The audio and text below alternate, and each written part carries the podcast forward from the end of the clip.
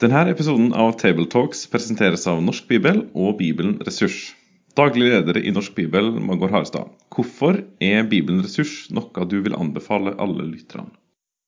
Fordi det er den største ettbinds studiebibel på norsk, og ifølge en bibellærer vår tids beste hjelpemiddel til bibellesning og bibelstudium. Det var en bra anbefaling. Takk for det. La oss lytte til dagens episode.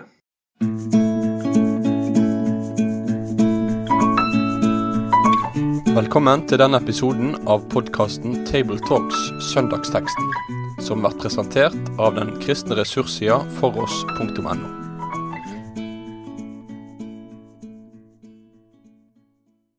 Da er det en glede å ønske velkommen til en ny episode av Table Talks. Vi skal eh, snakke om teksten for 20. søndag i treenighetstiden, og teksten er fra Johannes evangeliet kapittel 11, vers 1-5.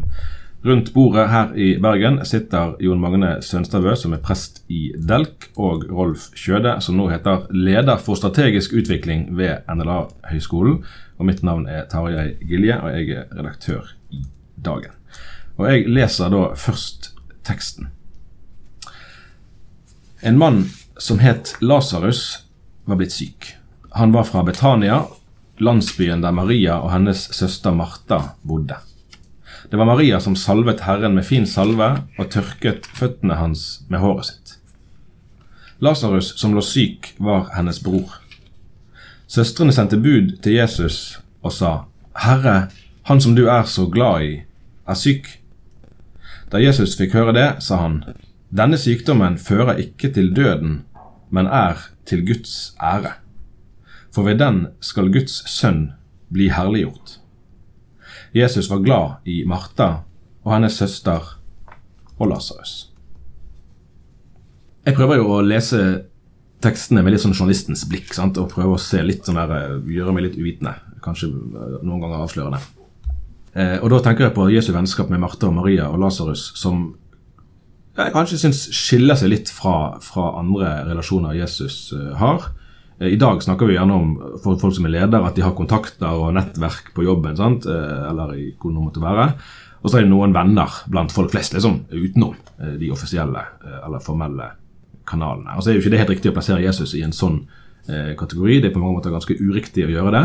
Men likevel, eh, disse her ser ut som i prinsippet vanlige folk eh, som, som, Jesus var venner med i kraft av de som de var.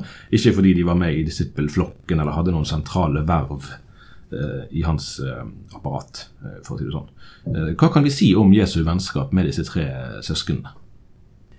Ja, det er jo rett som du sier, at uh, dette er en beskrivelse av en type vennskap som vi ikke ellers finner. Han plukka ut en gjeng med apostler som han er rabbi for, og han, uh, og han uh, møter også en del både kvinner og menn underveis som på en måte blir disippelflokken. Altså, dette er jo også en del av den disippelflokken hans, hvis du tenker stort på det. Mm.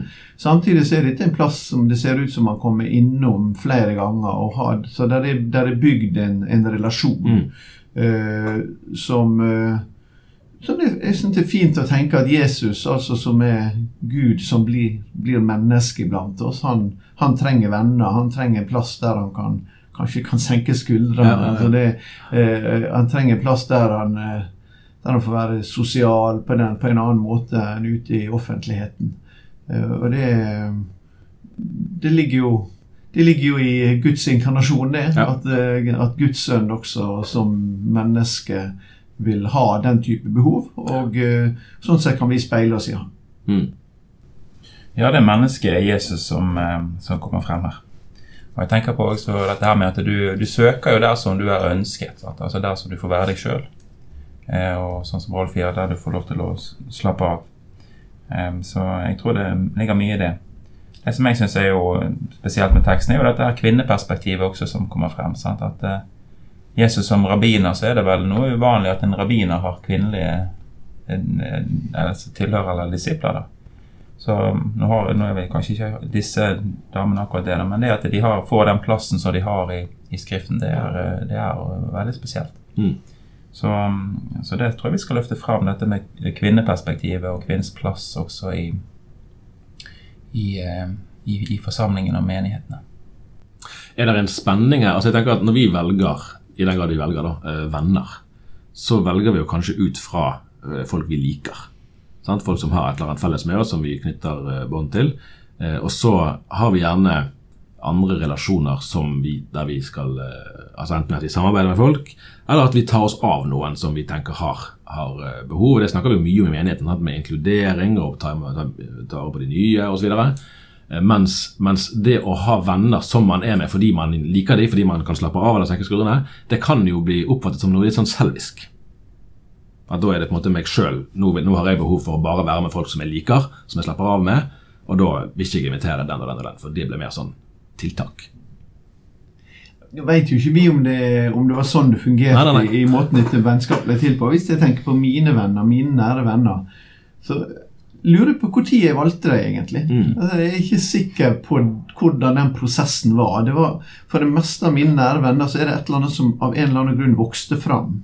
Eh, Det var et eller annet som viste seg å matche kanskje med, med at vi, vi kommuniserer godt sammen, eller vi hadde noen felles erfaringer. Men jeg, har, det, jeg kan ikke komme på noen venner som jeg har valgt fordi at nå, nå skal jeg gjøre en utsiling. eller Nå, nå skal jeg på en måte eh, Nå skal jeg veie faktorene mot hverandre. Det kan jeg gjøre i en del saksforberedelser, men det er det ikke når jeg velger venner. Iallfall ikke jeg. Kanskje dere er annerledes enn meg. Nei, Overraskende nok så har jeg jo venner som jeg eh, egentlig ikke skulle vært venner med, fordi at vi er så forskjellige. Ja, ja. Sant? Eh, Men, men de er nå likevel mine gode venner, og jeg er nå glad i det for det. Og det er jo interessant, fordi at en av tekstene i dag her er jo om Jonathan og altså han som skulle overta trona i Israel etter far sin Saul, eh, som blir altså David sin beste venn, eller David blir hans beste venn. Eh, og, og David er den som faktisk kommer til å overta trona fordi Gud har utsett han til det, og Jonathan vet det. Så det her er mange grunner til at de ikke burde knytte noe nært vennskap, og likevel så står det at de knytter dette nære kjærlighetens vennskap som kan være mellom mellom, mellom oss i et vennskapsforhold. Jeg syns det er vakkert. Det er vakkert skrevet. Eh, og eh, det sier jeg tror du sier noe om at vi er ikke så kalkulerende når det gjelder de tingene der. Og tviler på Jesus var kalkulerende. tenker det er også, Vi skal ha en frimodighet på dette her med at vennskap er noe som er skapt av Gud også. Denne her, Den menneskelige relasjonen. At vi skal tenke at dette er, dette er en duft av skapelsen. At det er dette at mennesker hører sammen, at vi trekker mot hverandre. At, og det må en, eh, ja, det, så, Slik er vi som mennesker skapt Ja, ja. av Gud. Det var Maria som salvet Herren med fin salve og tørket føttene hans med håret sitt, leser vi en henvisning til fortellingen i begynnelsen av neste kapittel. Og Vi har jo mange ganger hørt om Martha og Maria, og vi har sikkert alle tenkt, både menn og kvinner, at vi nok ligner mer på Martha enn på Maria, og kanskje vi burde ligne mer på Maria, men jeg vet ikke helt om vi vil det, osv. Men når vi snakker om, om disse som da venner, som vi må anta kjente hverandre ganske godt, og forholdsvis godt i hvert fall Det må ha vært en, en spesiell situasjon, rent sånn, hvis vi tenker liksom rundt bordet her eller rundt et annet bord, at vi skal være venner, men samtidig så skal den ene til de grader da ytre en sterk tilbedelse, en dyrkelse av, av en av de andre. Det er bare helt konkret eh, se for oss situasjonen. Ja, jeg ser den. Um, men det er vel dette spesielle med Jesus at ehm, i han så ser du både mennesket og du ser også Gud. Og det tror jeg disse så. Eh. For de har fulgt Jesus, de har hørt om hans Eller de har sett hans under, og de har hørt hans forkynnelse. Og, og troen kommer jo av det som av, av ordet som forkynnes. og og ved, ved samværet med Jesus så har de jo fått denne tilliten til ham, sant? og dermed også at du er noe som er verdt å tilbe. Så, det, men det blir jo, ja, for oss som er syndige mennesker, så er det vanskelig å forstå hvordan noen kan tilbe et annet menneske. Men, men det er når jeg tenker det er personen Jesus som er så spesiell, altså, som, som gjør det. det, det- her sprenges jo litt disse denne vennskapskategorien som vi nettopp har snakka om. Eh, Det tar ikke den vekk, men, men det sprenger litt sånn grensene for tenkninga rundt det. Uh, og, um, men jeg tenker at ja, vi har jo i Lukas 10 ikke sant, så, snakker vi, så har jo vi fortellinga om når Jesus kom til heimen der. Altså, det var jo på et, det var jo på et tidligere tidspunkt i, i Jesu virke. Og allerede da så setter Maria seg ved hans føtter. Altså hun, hun setter seg jo i, i en lærlingsituasjon for sin rabbi. Det er jo interessant i forhold til kvinneperspektiv, som du nevnte, Magne. Eh, Mm, også, men så tenker jeg samtidig at dette med tilbedelsen det er jo noe som vokser fram. Det er ikke noe som er der fra dag én. Altså, Du tilba ikke en rabbi, du, du tilber ingen ved å sitte ved føttene hans. Eh, men når du kommer Og kanskje ikke det tilbedelse heller når hun vasker med håret sitt i det neste kapittelet, her, men det er tross alt etter han har åpenbart enda mer ved at Lasarus er blitt vekket opp fra de døde. Og, og så kommer de da, og da, og så får vi denne historien om at hun, hun forbereder hans til hans gravferd. Eh, og eh, Kanskje går det mot tilbedelse, men i så fall så er det som ledd i en naturlig utvikling Ja, ja. der over tid har du levd med Jesus, så ser du ja, men dette er ikke bare en venn. Det er også en venn, og det er mest mest slitesterke vennskap vi kan ha. Samtidig så er det himmelens Gud som har trådt nær oss. og det, Den erkjennelsen kom ikke på dag én. tror jeg. Og Da er vi inne på dette her med gudsbilder. At hun har et veldig, eller hun har det sunne, det rette gudsbildet av hvem er, hvem er Jesus. Han er Gud, og han er menneske. Altså Han er en som du skal tilbe, men han er også den gode venn. Sant? Ja. For mennesker vi lager oss veldig lett eh, det falske gudsbildet. og det er vel kanskje et tegn i tiden det at Jesus, eh, eller mennesket konstruerer Jesus inn i ulike roller og gir han den, den posisjonen. sant? Altså Jesus som terapeuten, Jesus ja, ja. som min beste venn, Jesus som min arbeidsgiver, eller Jesus som det store forbildet, eller Jesus som eh, miljøaktivisten. Altså masse sånne ting som der Jesus måtte bli noe annet enn enn det han er. Ja. Så vi har mye å lære av henne her. Blir det også et eh, Vi kommer litt tilbake til, til det som jeg spør om nå i neste, i neste spørsmål. Men, men eh, når vi snakker om dette, at det selve er inkarnasjonen, at Gud blir menneske, som blir, blir synliggjort, lærer Jesus oss egentlig ledende spørsmål eh, om, om sann og sunn åndelighet her. Altså at den åndeligheten som han eh, både lever ut og, og anbefaler, eh, ikke kan skilles fra det relasjonelle, fra det sosiale. Ja, det er jo Vi, vi trenger jo å få justert vårt åndelighet. eh, Og når du stiller det spørsmålet og nettopp har anmeldt eh, Magnus Malms i siste bok, så, så tenker jeg at det, det, er et- det er tankegods som lever inni der. Dette her er oppgjøret som vi trenger å ta med enhver tids eh, gnostiske ideer eh, som, som nedvurderer det skapte. Eh, Og eh, det er iallfall ikke grunn til å nedvurdere det skapte i møte med Jesu inkarnasjon. Eh, og, og det gis også eksempel på, sånn som du da eh, drar det inn her. Ja, ja, ja. Søstrene sendte altså bud til Jesus om Lasarus sin sykdom. Eh, Forstår vi dette mest som en, eh, altså et, eh, en orientering, en telegram, nærmest en beskjed til Jesus? Eh, Eller leser vi òg et ønske eller en forventning kanskje om at Jesus skulle gripe inn? Ja, jeg tenker eh, det høres ut som et rop om hjelp, eller eh, kan minne om en bønne. Eh, slik som jeg, jeg, jeg tenker. Og jeg ser jo også dette som et, et veldig godt forbilde på hva vil det si å be. Mm. Eh, for det hun gjør, det er at hun bare forteller hva er situasjonen. Og Lasarus er syk. Ja. Og så overlater hun det Jesu hender til å gjøre med det som han sjøl vil. Altså, Så vidt jeg husker, så eh, kan vi vel si at den, den type å be til Jesus på er vel veldig lik eh, vinunderet i Kana, sant? Der, eh, der Jesu mor sier omtrent det samme, dette med at de har ikke mer vin. Og da overlater vi problemet i Jesu hender istedenfor at vi måte, kommer med problemet vårt, og så kommer vi med løsningen. Og så kommer vi med argumentene for hvorfor vi skal ha denne løsningen som vi skal ha. Som er den menneskelige måte å, å be på. Og det gjør vi vel gjerne pga. at vi er i en indre konflikt. Vi er i en tvil om om Jesus er i stand til å, til å være den Gud som tar tak i mitt liv. Ja, Jeg tror ikke det er tvil om at dette er, dette er nettopp det. Altså, Det er bønn til Jesus. Du, du må komme. Og det ser vi jo Martha sier hadde du kommet før, så hadde han ikke vært død. Og Maria sier hadde, du, hadde du kommet før, så hadde han ikke vært død. Og så står det folk og anklager han for har ikke han åpna blinde sine øyne. Ja. Eh, han kunne ha hindra dette dødsfallet. Så alle, alle som han møtte i Betania, eh, de mente han burde ha kommet før. Det interessante her er at han drøyde bare i to dager med å gå, men når han kom fram, så var det fire dager siden han var død. Ja. Eh, slik at eh, uansett så eh, Det kan han undre litt på. da. Hvorfor gikk ikke han med en gang? For han visste vel eh, at det var det som ville skje. Men det var vel ikke SMS han fikk heller? Nei, det var kanskje ikke SMS. tok litt tid. Denne sykdommen fører ikke til døden, men er til Guds ære, eh, sier Jesus sjøl. Og det, det utsagnet kan jo forstås som at det går rett inn i, i vår tids og mange tiders debatt om, om, sykdom og helse og Guds rike og helbredelse. Og det. det har vært et stridstema kan vi si, ganske lenge nå, og, er jo det ikke mindre eh, i våre dager. og Det er ulike syn både på hvorfor ikke flere av de som blir bedt for rundt oss, blir, blir friske, og i hvilken grad Gud eh, faktisk bruker sykdom for å fremme sitt rike. Eh, på hvilke måter kan sykdom føre til Guds ære? Ja, dette er et utrolig et, et, et, terreng som vi må vandre litt varsomt inn i, tenker jeg.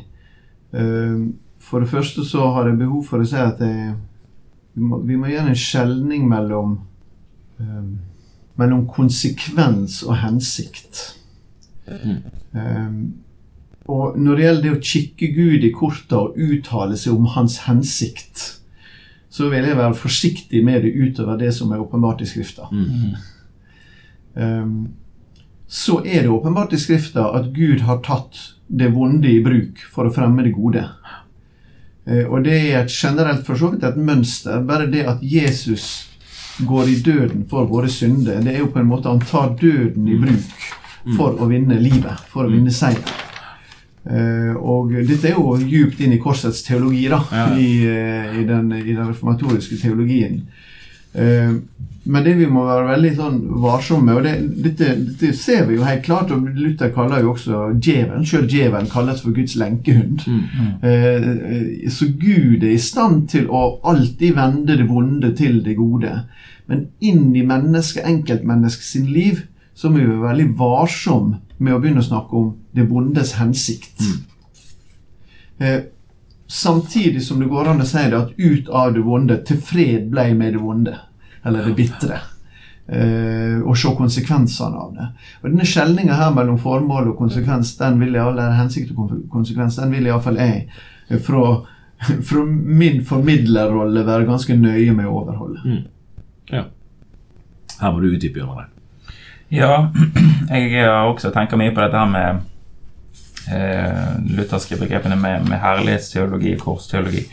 Sånn som Luther bruker begrepet herlighetsteologi, så er det gjerne ikke akkurat det samme som vi, som vi bruker det om enkelte teologiske retninger i dag. Men, men eh, så langt jeg har forstått, så, så, er vi alle herlighetsteologer. Altså vi, vi ønsker å se, se eh, Guds Eh, Gud i, Gud i sin storhet, mens han, han åpenbarer seg heller, heller motsatt.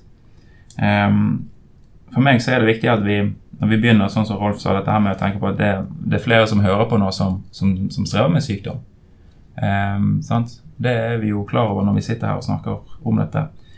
Og, um, men for meg så er det liksom det som, det som, eh, det som Paulus skriver om i Romeren 8, 28, dette her med at vi, vi vet at alt tjener til det gode for den som elsker Gud. Altså. Um, altså det, det, er et eller annet her som, som, gjør det at selv om ting er uforståelige, så er det ikke det i Guds sine hender. At uh, han, han, hans omsorg, den omslutter, omslutter alle mennesker. Men, men, hva betyr dette her med Hva er egentlig dette med korsteologi? Da, da skriver Luther dette her med at slik som vi leser i Isaiah 53, sant? Så ser vi det at Gud har der ingen skikkelse med ære og herlighet. Men hans skikkelse det er noe som, som foraktes. Eh, og slik også med Guds gjerning. At den fremstår på den måten. Mm. Eh, det er noe som, noe som, foraktes. Og vi har også dette med Hannas lovsang i, eh, i 1. Samuel kapittel 2, der han sier det at Guds, Gud er den som den som døder og gjør levende. Gud er den som fører ned i dødsriket, og den som eh, fører opp igjen eller gjør levende. Så dette er Guds gjerning. Eh, og Isaiah, Isaiah 28, tror jeg jeg skal se på notatene mine, så er det vel også at han, at han sier det samme, dette her med at Guds verk det er, det er et fremmed verk. Så Gud handler på en måte som er fremmed for menneskene, og der er kanskje dette her også med sykdommen med. Um, sykdommen er jo en konsekvens av syndefallet. Det kommer inn som en konsekvens av syndefallet. Og hvorfor føres mennesket ut av, av Edens hage? Hvorfor føres det ut i dette landet med tårn og tistel som, som vil skade mennesket? Gud vet om det. Jo, det er jo fordi at mennesket skal kunne bli frelst. sant? Så det, Hvis mennesket er i Edens hage og bare lever i de gode, så vil de ikke kunne frelses. Så Gud fører de ut fordi at han skal kunne føre de inn igjen. Eller fører de ikke inn igjen, men inn i et nytt paradis. Inn i det egentlige paradis. Så um, eh, ja. Eh, Det er vel noe av dette med eh, ja, forskjell på, på korsteologien og eh, herlighetsteologien. Og hvis vi tenker på tenker, Jeg tenker veldig på f.eks. Josef i Det gamle testamentet. Når han er i fengselet der. sant? Altså, du, du er blitt solgt av dine brødre. Og tenk på hva Josef som ung gutt gjør når han har disse drømmene. Du ser for deg en lysende fremtid. Når alle skal bøye seg for deg. Og hva skjer? Jo, han, han blir forrådt av sin familie. Han blir solgt som slave. Og så havner han i fengselet, og der får han et lite håp av to menn som, som sier ja, Eller han ene som sier 'jeg skal huske på deg', og så blir han glemt. Og så glemmes han av alle, bortsett fra én som er Gud. sant? Og så begynner han å føre han opp igjen av livet og det, det, det, det skjer. Men så er det mange kristne som, som, som bærer på sykdom nesten fra de er født til de dør. Så det er, jo- det er jo en, en talende uttalelse mot slutten av fortellingen der om Josef. Nå har jeg ikke sitatet foran meg, men, men at dette han treffer brødrene. Dere tenkte det til Ja, det onde, men. Gud tenkte det til det gode. Ja. Altså I din distinksjon om konsekvens og virkning, eller om intensjon og virkning, om du vil, så er jo ikke den setningen nødvendigvis altså Den kan vel forstås eh, på litt flere måter. Eh, men, men i hvert fall er det jo på det rene at, at Gud kunne bruke det som skjedde med Josef, til eh, i, den, altså i den større fortellingen om han. Ja. Men jo, ja, Josef er selvfølgelig et forbilde på Messias også. Sant? Ja da, ja. Men jeg er veldig enig med Rolf. Vi skal være utrolig forsiktige å snakke om, eh, om disse tingene. Fordi at eh, det er vanskeligere enn Men ikke redd for å snakke om det som er åpenbart. Jeg mener Med Josef så, så forteller han nettopp det. At slik var det at dere tenkte det til vonde, men Gud tenkte det til det gode. Og Da er det noe med dette med, med Jesaja-ordet om at hans tanker er høyere enn våre tanker. Og vi, og vi kan, kan trenge inn i disse gudstankene. Det, der, der, har et, der har vi en grense. Det står også, Du spurte jo om Guds rike her også. Det, det står jo eh, Da Paulus er ferdig med den første misjonsreisa si, og avslutter den, så er konklusjonen at vi går inn i Guds rike gjennom mange trengsler. Det er ikke da primært sykdom, men det er mer motstand og forfølgelse. Men altså, alle disse tingene som vi på en måte kan sette det negative foran, foran det er Gud i stand til å ta i si hand. Det, det er hele poenget i det. Men jeg vil være forsiktig utover det åpenbarte og fortelle mennesket om Guds hensikter. For det at, at eh, det kunne bli til Guds ære da, i fortellingen her at Lasarus ble frisk, det er vel ikke så vanskelig eh, å forestille seg. Og, og det ser vi jo eh, mange ganger rundt Jesus, at det vakte jo eh, oppsikt, eh, alt det som han, eh, som han gjorde. Eh, men så er jo spørsmålet i andre runde, på en måte, da, i andre tilfeller kunne, kunne sykdommen ha vært til Guds ære og den ikke ble, ble tatt bort. Og Det er jo det spørsmålet som kanskje er vanskeligere å gi et helt sikkert allment svar på. Det som er litt påfallende her, det er at det som blir sagt om Lasarus, er veldig likt det som er sagt to kapitler før, med den blindfødte, der det blir en diskusjon om hvem har gjort noe galt. Og Jesus avlyser hele den der diskusjonen der om at det er en sammenheng mellom synd og sykdom. Men også der er Jesus svar. At eh, det, med denne mannen her, så er det det at Guds herlighet skulle åpenbares på han. Og, Ja. og eh, da får vi si det at når det gjelder Lasarus og den blindfødte, så, så var det tilfellet. Og så uh, vet vi at da er det et mønster Gud kan handle etter. Men uh, jeg vil være varsom med å gå videre derifra. Nettopp, nettopp.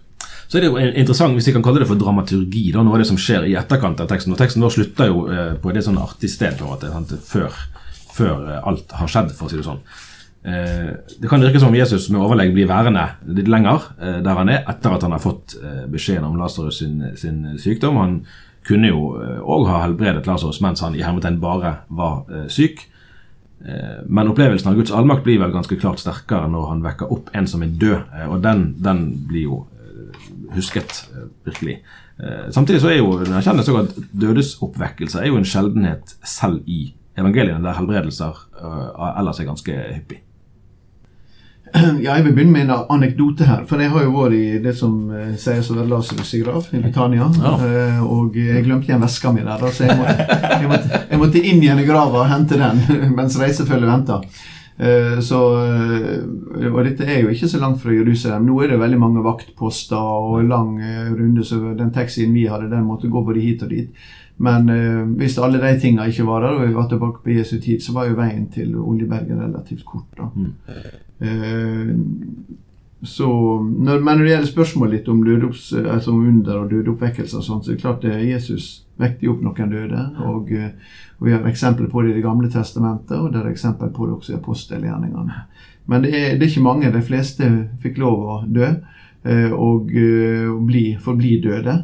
Og eh, jeg tenker at det kan noe av det som ligger her det, Kanskje ligger en symbolikk også i Lasarus sitt navn. Akkurat som når vi møter en annen Lasarus som dør. Eh, og der blir det gjort et poeng av det når denne Lasarus og den rike mannen, den Lasarus dør, da, så blir jo ikke han vekt opp. Eh, men han blir i Guds favn og i Abrahams favn. Og, eh, og da blir dette med navnet hans, nemlig at Gud hjelper. Altså, han var i nød. Han døde. Ingen kunne se egentlig at Gud hjelpte han. Eh, Men når alle ting kommer fram i lyset, og hele virkeligheten blir åpenbar, så viser det seg at den Gud til slutt hjelpte, det var Lasarus. Han som bar navnet Gud hjelper. Mm.